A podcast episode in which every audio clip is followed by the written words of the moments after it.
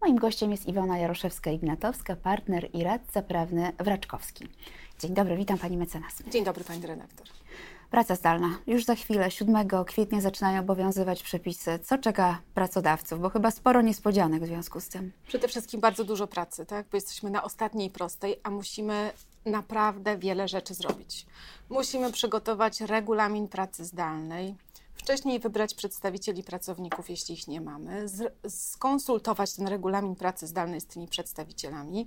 Jeżeli mamy w firmie związki zawodowe, to musimy przygotować porozumienie ze związkami zawodowymi, wynegocjować to porozumienie, ogłosić, wdrożyć, ale to nie wszystko, mhm. bo jeszcze musimy przygotować wnioski, pracowników o pracę zdalną, dlatego że ta praca będzie mogła być wykonywana w miejscu wskazanym przez pracownika, ale każdorazowo uzgodnionym z pracodawcą, mhm. czyli za każdym razem pracownik będzie składał wniosek co do tego, że chce pracować zdalnie i gdzie chce pracować zdalnie, a przełożony będzie się zgadzał albo nie. Mhm. Musimy przygotować wnioski dla pracowników uprzywilejowanych tak, w taki szczególny sposób, mhm. dlatego że będziemy mieć taką grupę pracowników, która będzie mogła po prostu wnioskować o pracę zdalną, jeśli w firmie nie ma, albo o pracę zdalną nawet w większym wymiarze niż ta, mhm. która w firmie jest musimy przygotować ocenę ryzyka zawodowego, informacje o tym, jak zorganizować swoje stanowisko pracy w domu, mhm. przekazać pracownikom tę ocenę ryzyka zawodowego i tę informację, odebrać oświadczenia od każdego pracownika, że się z tym zapoznał mhm. i że się zobowiązuje do przestrzegania,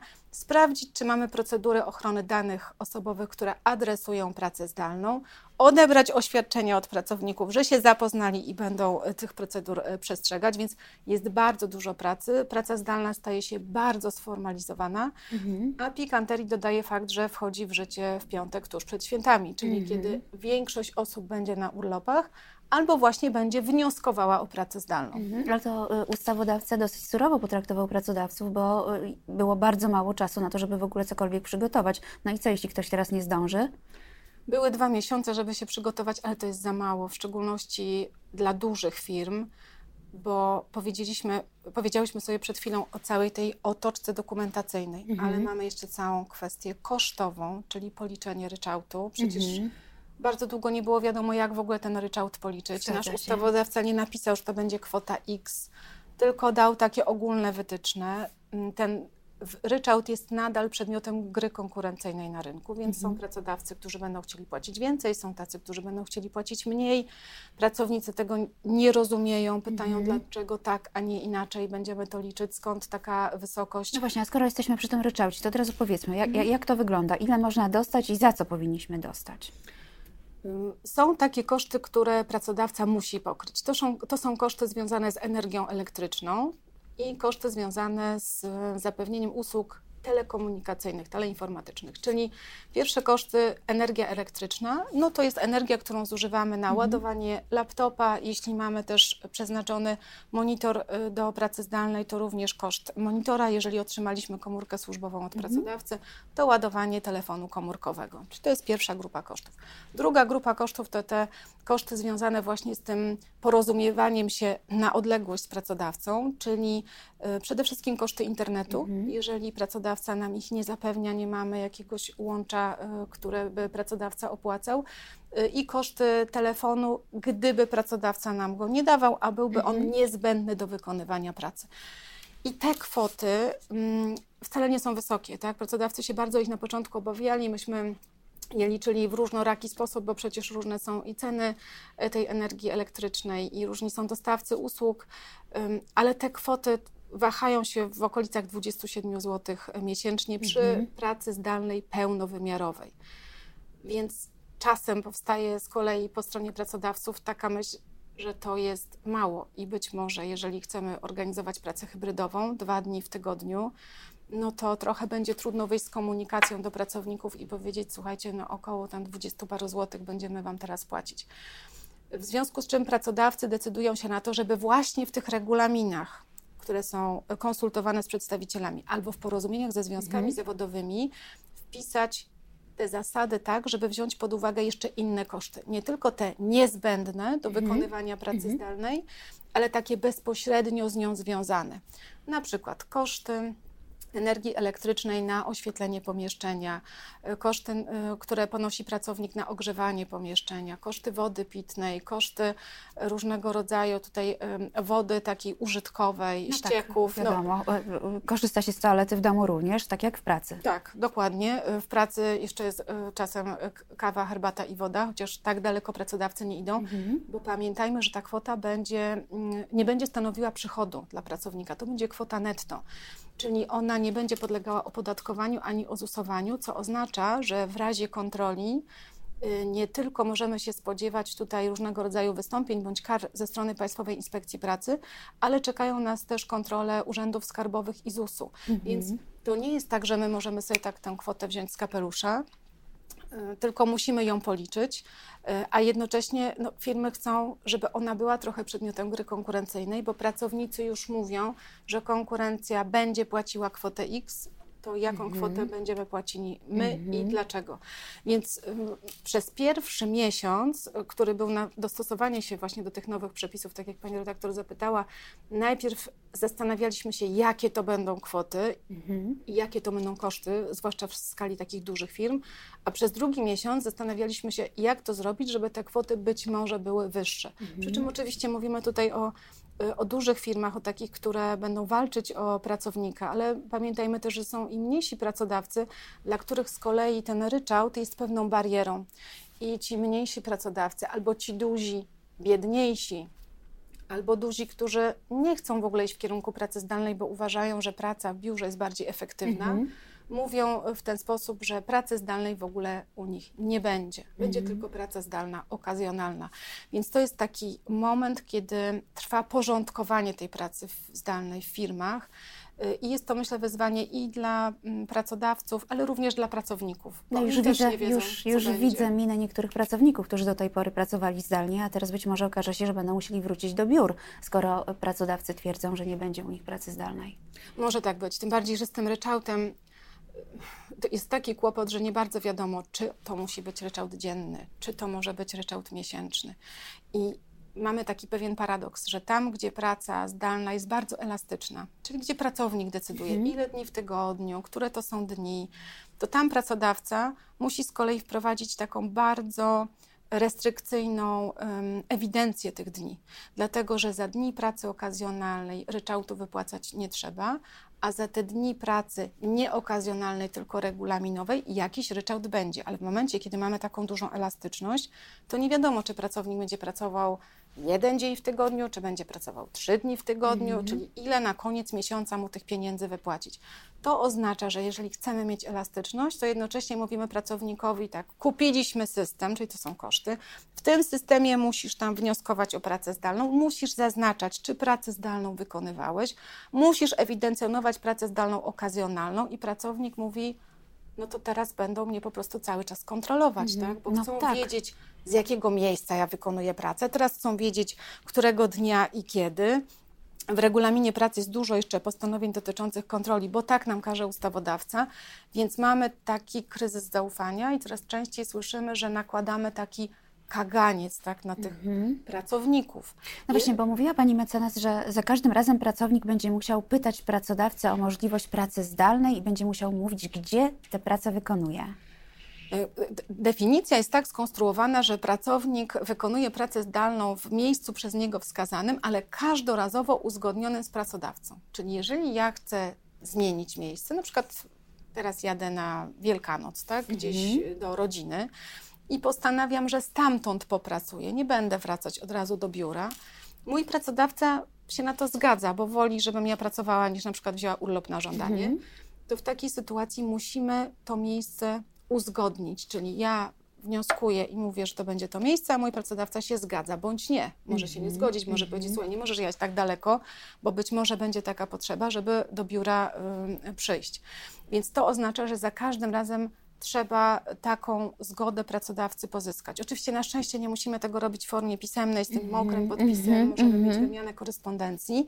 Czyli wystarczy napisać maila na przykład. Wystarczy napisać maila i napisać skąd będę wykonywać pracę, przełożony się zgadza albo nie. Natomiast jest to nowość. Do tej mhm. pory ani pracownik nie musiał tego robić, tłumaczyć się, że na przykład jeszcze ma domek letniskowy i stamtąd pracuje Wystarczyło, że wykonał pracę, tak? Albo, Nikt że na pytał. przykład w dwóch miejscach e, w ogóle pomieszkuje, tak? A teraz musi się tłumaczyć. Ani pracodawca, e, w sensie przełożony, nie miał takich dodatkowych obowiązków. No też go to tak do końca nie interesowało. Zwłaszcza pamiętajmy, że w branży technologicznej czy w branży twórczej, e, no jednak jest właśnie taka bardzo duża elastyczność i pracownicy jej oczekują i pracodawcy chcą ją dawać, a nasz ustawodawca teraz tę pracę zdalną uregulował zdecydowanie tak, jakby to miała być praca z domu.